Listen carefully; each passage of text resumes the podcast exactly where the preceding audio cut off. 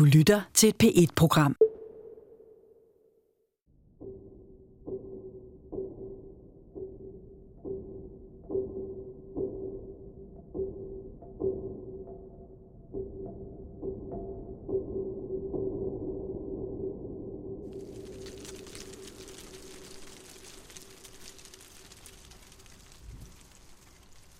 Jeg står uden for Kurt Møllers dør.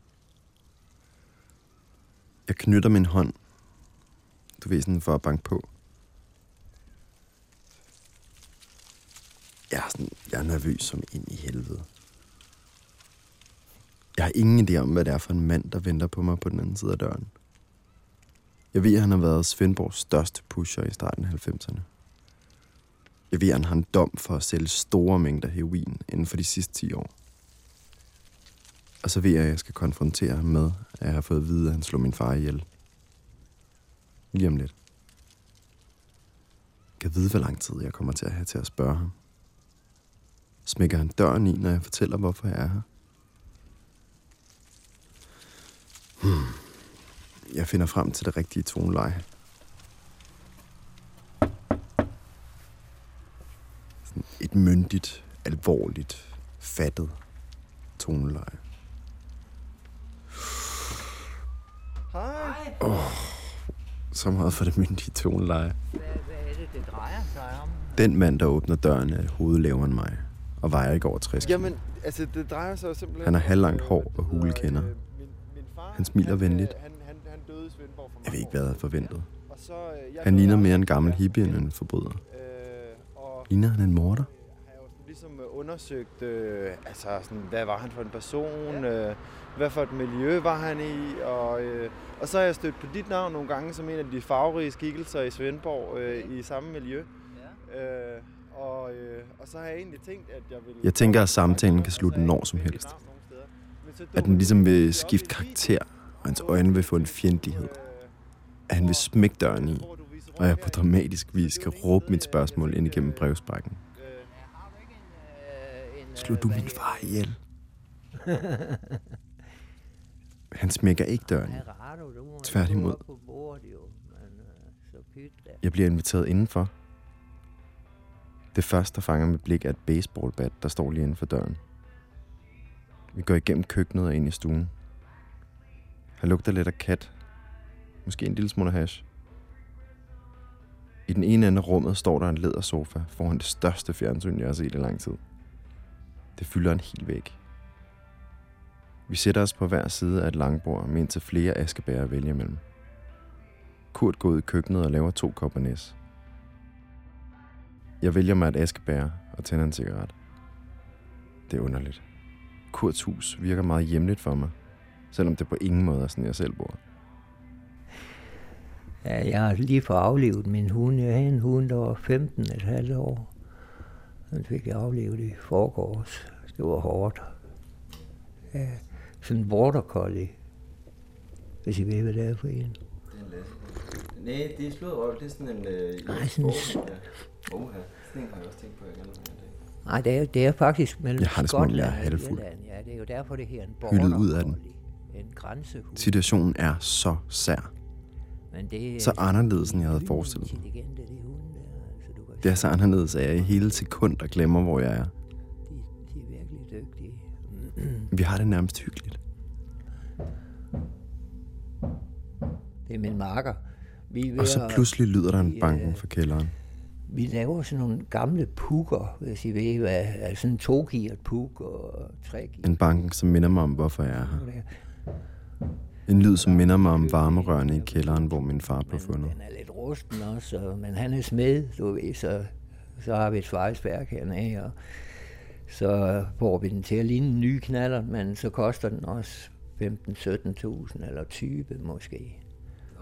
Ja, det kan du få på sådan en. Ja, det kan du få på sådan en i dag. Men du skal sætte nye hjul på, og du skal øh, sådan virkelig... Den bliver splittet fuldstændig. Fuldstændig. Alt.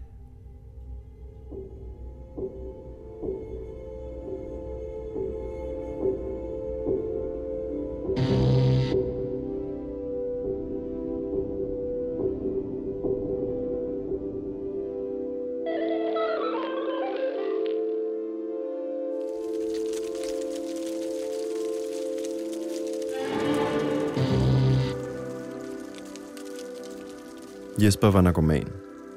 Han var også min far. Han blev fundet med kraniebrud og en knust brystkasse i en kælder for 27 år siden. Hans død blev efterforsket som en morsag, men dødsårsagen blev aldrig opklaret. Både Jespers liv og hans død er lidt af en gåde for mig. Halvdelen af mit genom stammer fra ham, men jeg ved meget lidt om ham. Jeg er på en mission for at finde ud af, hvem Jesper var, hvem der slog ham ihjel, og hvorfor. Har du kørt, uh, du, du var sgu da Kurt, der gjorde det? Nogle år efter Jespers død mødte min mor en mand fra narkomiljøet Svendborg på gaden. Han fortalte hende, at en mand med navn Kurt Møller havde slået Jesper ihjel. Kurt Møller skulle endda have tilstået mordet, men trukket det tilbage igen efterfølgende. Det store spørgsmål er, hvorfor Kurt aldrig blev dømt. Selv hvis han havde trukket sin tilståelse tilbage, så er det svært at forestille sig, at politiet ikke skulle kunne finde beviser nok til at fælde ham.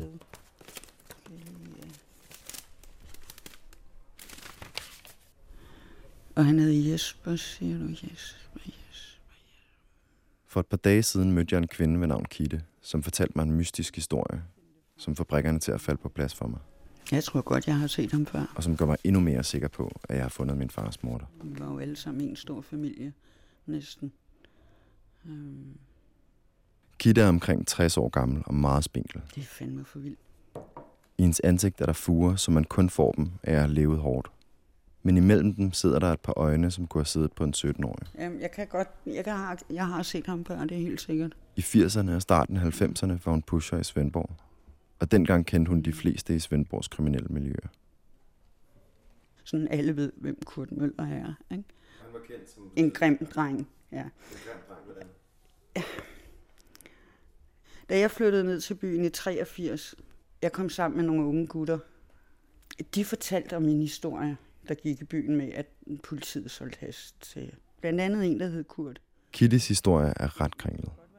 I slutningen af 80'erne fik en del af Svendborgs pusher deres hash fra en mystisk person, som gik under dæknavnet Ole. Var der en, der siger til mig, at han Ingen havde nogensinde mødt ham. hedder Ole, og han har noget, jeg gerne vil have. Han ringede fra hemmeligt nummer og afleverede hashleverancerne ved særprægede afhentningssteder, såsom i træsko i parker eller under et stykke græstørv i udkanten af Tåsing. Jeg gerne ud, øh, sådan lidt ude på landet på Tåsing. Udover de særprægede måder, transaktionerne foregik på, så kostede hans hash under halvdelen af markedsprisen. Det var ikke nogen dårlig aftale at have for den udvalgte skare pusher, som Ole leverede til. Sådan en dag, jeg kommer hjem fra byen, og så er Kurt Møller der, og han siger, nej, vil du ikke, Kitte? Det helt vildt det her, det er helt vildt. Og jeg havde jo slet ikke tænkt på ham og den gamle historie der og sådan noget. Kurt har set en kriminalbetjent overvåge Kittes dør. Der havde gået rygter om, at Ole var en korrupt kriminalbetjent, som solgte beslaglagt has tilbage til miljøet. Men det var første gang, at Kurt havde fået sat et ansigt på. Som havde, så han havde lige pludselig set en af sine strisser, eller en af de der strisser sidde derovre. Kurt fik overbevist Kitte om, at de blev nødt til at afsløre betjenten. Men vi fandt i hvert fald ud af, at næste gang han ringede, så ville Kurt ligge nede ved havnen og tage et billede, når han gik hen. Og skulle hente penge og lægge noget nyt. Kurt lægger sig på lur med et kamera for at få et billede af kriminalbetjenten, a.k.a. Ole, imens han afleverer hash. Kurt tager kameraet med hjem efterfølgende, og Kitte har altså aldrig set billederne. Så han tog det der kamera med hjem, og havde det jo liggende i flere år. Så jeg har aldrig haft de billeder i hånden. Men jeg ved, de er blevet taget. Hvad Kitte siger er altså, at Kurt har haft de billeder i overvis efterfølgende. Det er så sammenspist i den her by. Første gang politiet har fat i ham, har de konfronteret ham. Han har sagt, jeg har noget på dig, Marker, og du har ringet til mig. Skal vi lige lave en aftale? Jeg er fredet her i byen resten af mit liv. Sådan tror jeg, det startede. Kan hun have ret i, at han har brugt dem i årene efter for at slippe for politiets indblanding i andre sager? Kan han måske have brugt dem, da Jesper blev myrdet? Fire, fire år efter min far døde, øh, der var der en mand, øh, som tilstod mordet, for ja. derefter at trække tilståelsen tilbage. Okay. Og han blev så ikke dømt, fordi der ikke var nogen tekniske beviser. Og den mand, Han blev ikke dømt. nej, han blev ikke dømt. Øh, og den mand, Hvem var det? det var Kurt Møller. Ah, jeg får helt vildt kuldegysning. Nej. Det er et par år siden, jeg har set ham sidst, men jeg så ham sådan i- en gang hvert halve år, eller sådan. Ikke særlig tit her inde i byen, sådan lige. Ja, ser ham en gang imellem. Altså, vi skal jo prøve at have min tale til det her. Det, øh, Du skal have mit tale, det, det, det er lidt ja, men vær forberedt.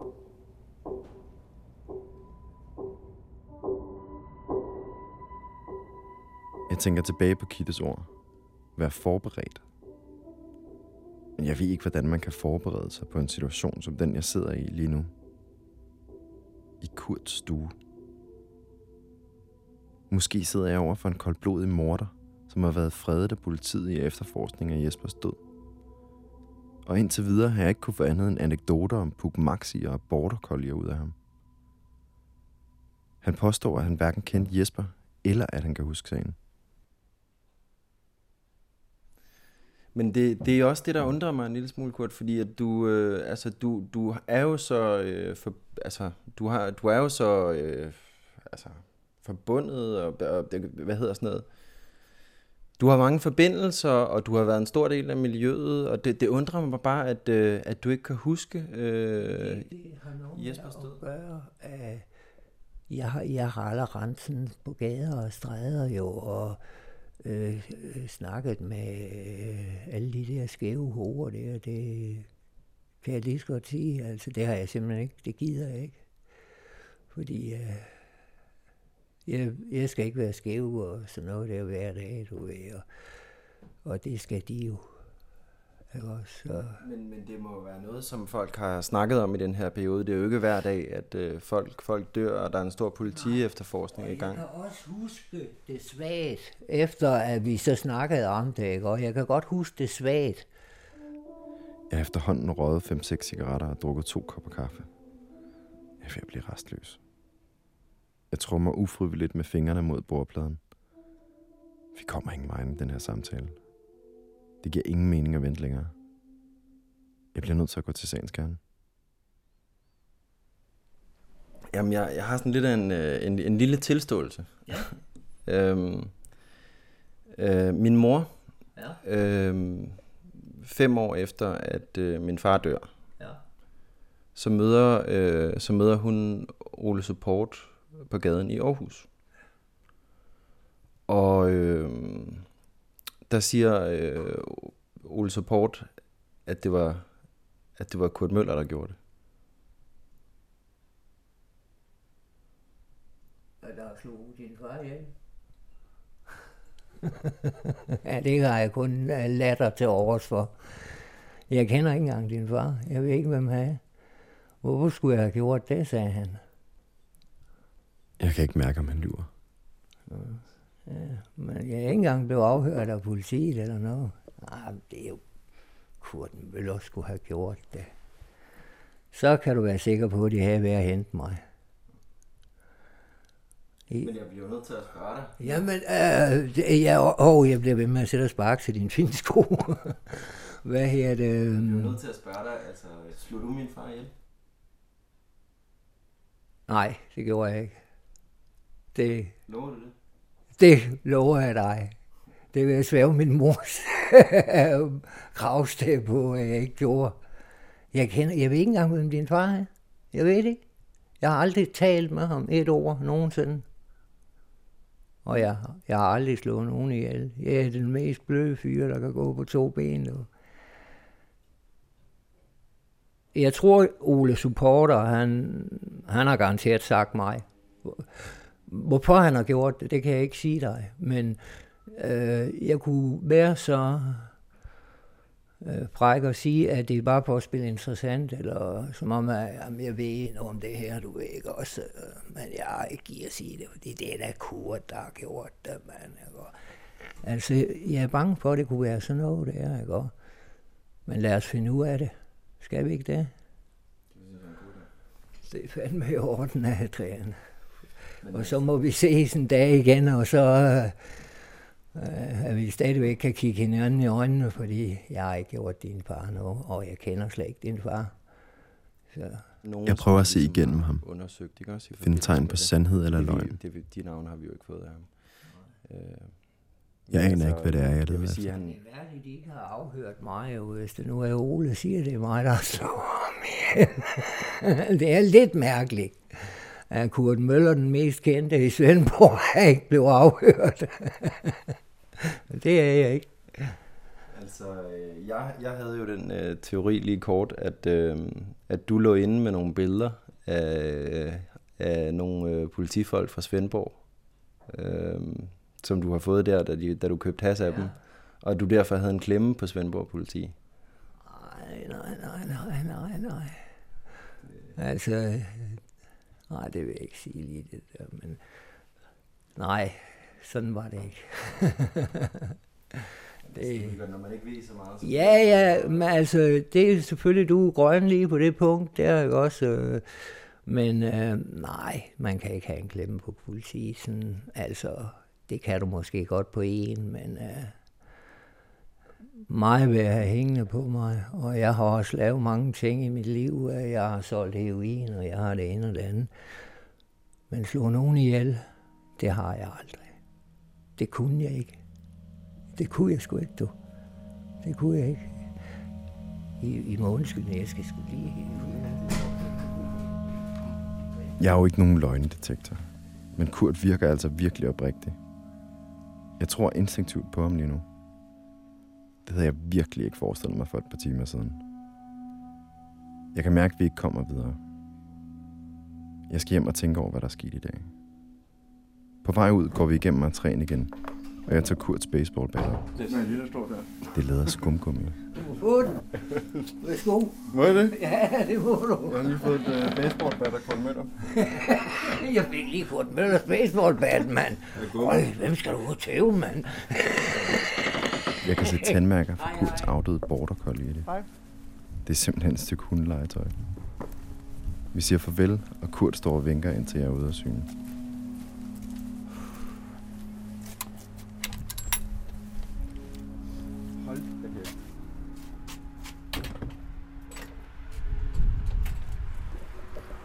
Altså, jeg, jeg øh, altså, hold kæft, det var øh, intenst at skulle, skulle spørge ham, om han havde slået min far ihjel. Altså,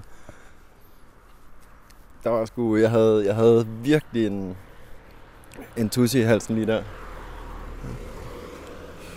Puh.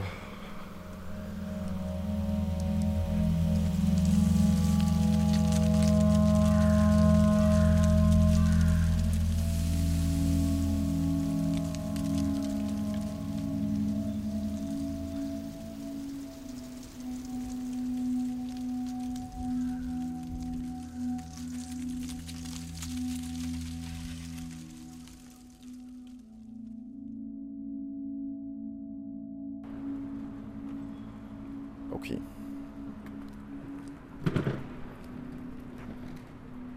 Altså, hvis jeg skulle sige noget lige nu, så er min helt klare mavefornemmelse, at Kurt ikke har noget med sagen at gøre. Før jeg gik ind til ham, så var han på en eller anden måde en, en karakter i en krimi, som jeg havde stykket sammen i hovedet. Sådan en stereotyp forbryderkarakter. En kingpin. Og hele det billede, det krakalerer jo, når man sidder over for sådan en venlig lille spirvip som Kurt. Når man sidder der menneske til menneske, så virker den her tegneserieagtige teori, som jeg har stykket sammen, altså den virkede på en eller anden måde fuldstændig urealistisk. Men det kan også godt være, at jeg bare hammer naiv. Altså, Kurt, han er jo en, han er jo en gavet kriminel, og han er kendt for at være, for at være en snedig og udspekuleret type.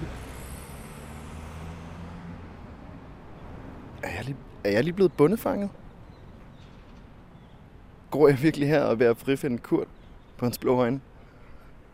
Det eneste, jeg har, som konkret peger mod Kurt, det er Ole Support, som fortæller min mor, at det var Kurt, der gjorde det, og han havde tilstået. Derudover så har jeg en sparsom agtindsigt, som jeg fik for over 10 år siden, hvor der står, at der er en mand, der har tilstået det, hvilket jo så må være Kurt. så har jeg en forklaring på, hvordan at Kurt muligvis kunne have gået under radaren fra Kitte.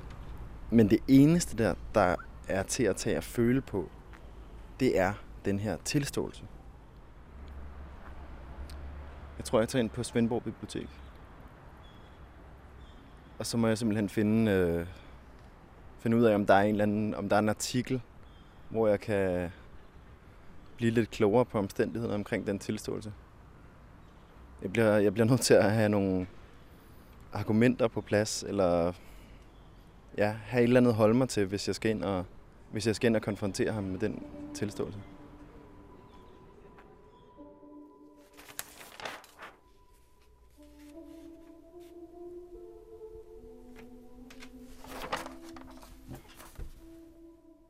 Falsk tilståelse i mystisk dødssag. Alkoholiker meldte sig som drabsmand for fire år siden. I går blev han dømt for falsk anmeldelse. Wow.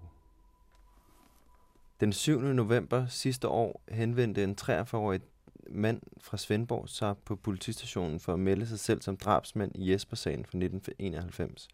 I går blev den 43-årige så slæbt i retten for at have indgivet falsk politianmeldelse mod sig selv. Den 43-årige mand, som er en gammel kending af politiet, er kendt for et mangeårigt massivt alkoholforbrug. Han fik en dom på syv dages hæftestraf. Okay, det var sgu ikke lige det, jeg havde regnet med. Altså. Det her, det er ikke Kurt. Nej, det er det ikke. Det passer ikke med alderen. Han er ikke alkoholiker, så vidt vi ved. Okay. Åh, oh, altså, hvis det her, hvis det her, det er det, hvis det er det, så er der muligvis ikke noget mor. Det kan da ikke, det kan da for helvede ikke passe. Det passer overhovedet ikke på, med noget, som jeg har fået at vide.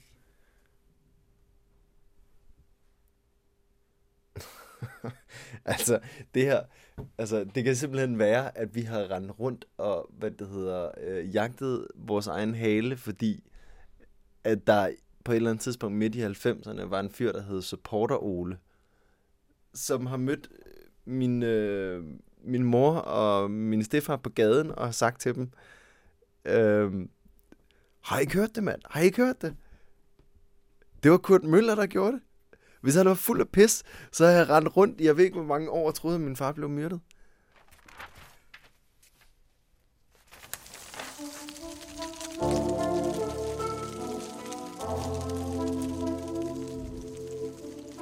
Jeg vil ønske, at jeg kunne spørge Ole Support, hvor han havde den viden fra.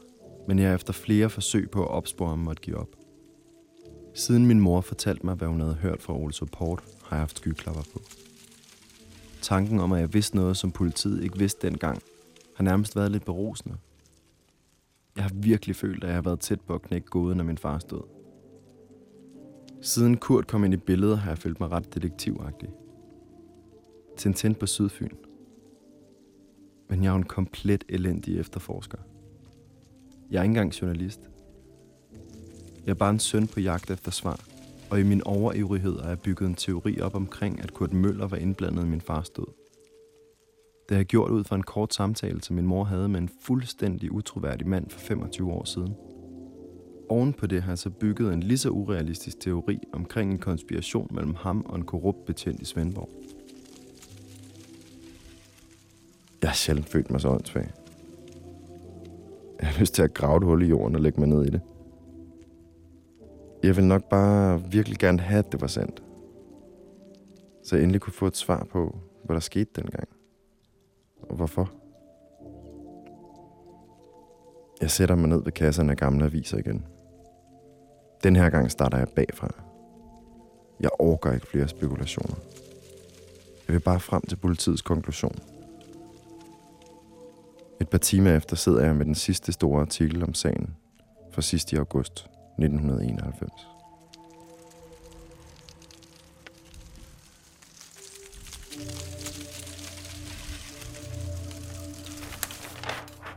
Politiet stiller nu Jesper-sagen i bero. Efter godt halvanden måned indstiller politiet nu efterforskningen i den såkaldte Jesper-sag. Fundet af den 27-årige Jesper Helge Hansen, der lørdag den 6. juli lå død i en kælder i Sand- Sandalsparken i Svendborg. Han var svært kvæstet i både hjerne og brystkasse. De fem medarbejdere fra Rigspolitiets rejsehold pakker nu sammen og forlader Svendborg. Efterforskningsleder fra Rigspolitiets rejsehold Ernst Søndergaard og kriminalkommissær Herbert Bøjsen hælder mest til teorien om et fald. Han er sandsynligvis gået igennem slugten langs Nyborgvej. Måske er det her, han er faldet. Fra slugten til Nyborgvej går der en lang stentrappe, som selv for folk i ædru tilstand på det nærmeste er livsfarlig. Ej, det, det er helt fucked. Det er helt fucked up. Ja, hvorfor ikke? Måske faldt Jesper virkelig bare ned ad en trappe. En brændert. Lige nu virker det mere sandsynligt end noget andet, jeg har hørt.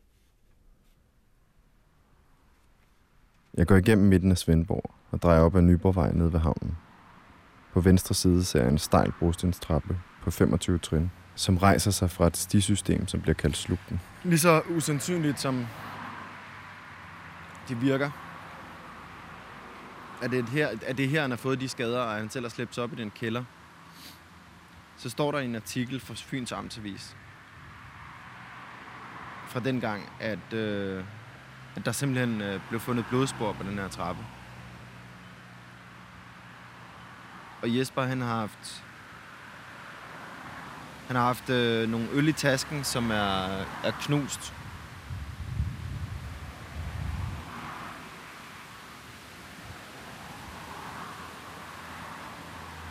Og på den måde, så lyder det jo sandsynligt, altså at han er faldet baglæns ned ad den her trappe.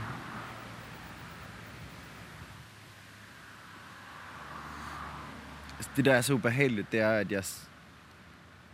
Altså, jeg kan i og for sig godt selv forestille mig. Og øh, har have været så øh, åndssvagt påvirket, er jo kommet grusomt til skade. Og når jeg tænker tilbage, så er der så mange gange i mit liv, hvor det egentlig kunne være sket. Altså, jeg har vågnet op nogle vilde steder engang imellem. Altså, vi har en eller anden øh, intolerance i den der, i, i, i vores gener, tror jeg, for, for, for alkohol. Altså, det er ikke mere end to og et halvt år siden, hvor jeg simpelthen kom til at drikke mig fra sand til samling. Og jeg vågnede op på øh, banegården i Malmø med to brækkede ribben. Den måde, han bliver beskrevet på, når han var påvirket, det er sgu ikke så langt fra den måde, jeg selv kan blive på. Så man sidder her og kigger ned ad den. Det passer ikke ind i hele præmissen for at lave sådan en historie her. Fordi det er meningsløst. Hvis han bare har været kanonfuld og øh, er faldet på en trappe, også? Altså. Men sådan er det jo med uheld. Uheld er jo umiddelbart meningsløse. Jeg kan godt se mig selv dø på den måde.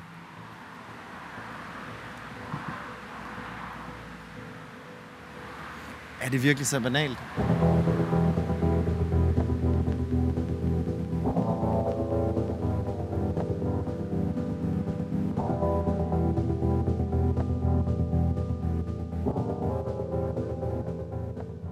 uanset hvordan du vender og drejer det, så er der sager, hvis ikke du opklarer dem, så er der stadigvæk en orm, der gnaver. Og du kan godt opklare en sag, hvis det er en ulykkesag. Hvis der havde været et vin, der kom og sagde, jamen, det kan jeg da godt fortælle jer det der. Jeg stod oven for trappen og så uh, Jesper, han væltede derned for fuld drøn og knaldte hovedet ned i cementtrappen. Men du har ingen mennesker, der kan sige det. De var måske 20 mand i rejsehold på det her tidspunkt, eller noget af den stil, ikke? Og så sender de ikke fem mand til, til Svendborg, fordi der er en mand, der slår hul i hovedet på en kældertrap. Nul. Altså, politiets teori og politiets mistanke, det er aldrig blevet offentliggjort.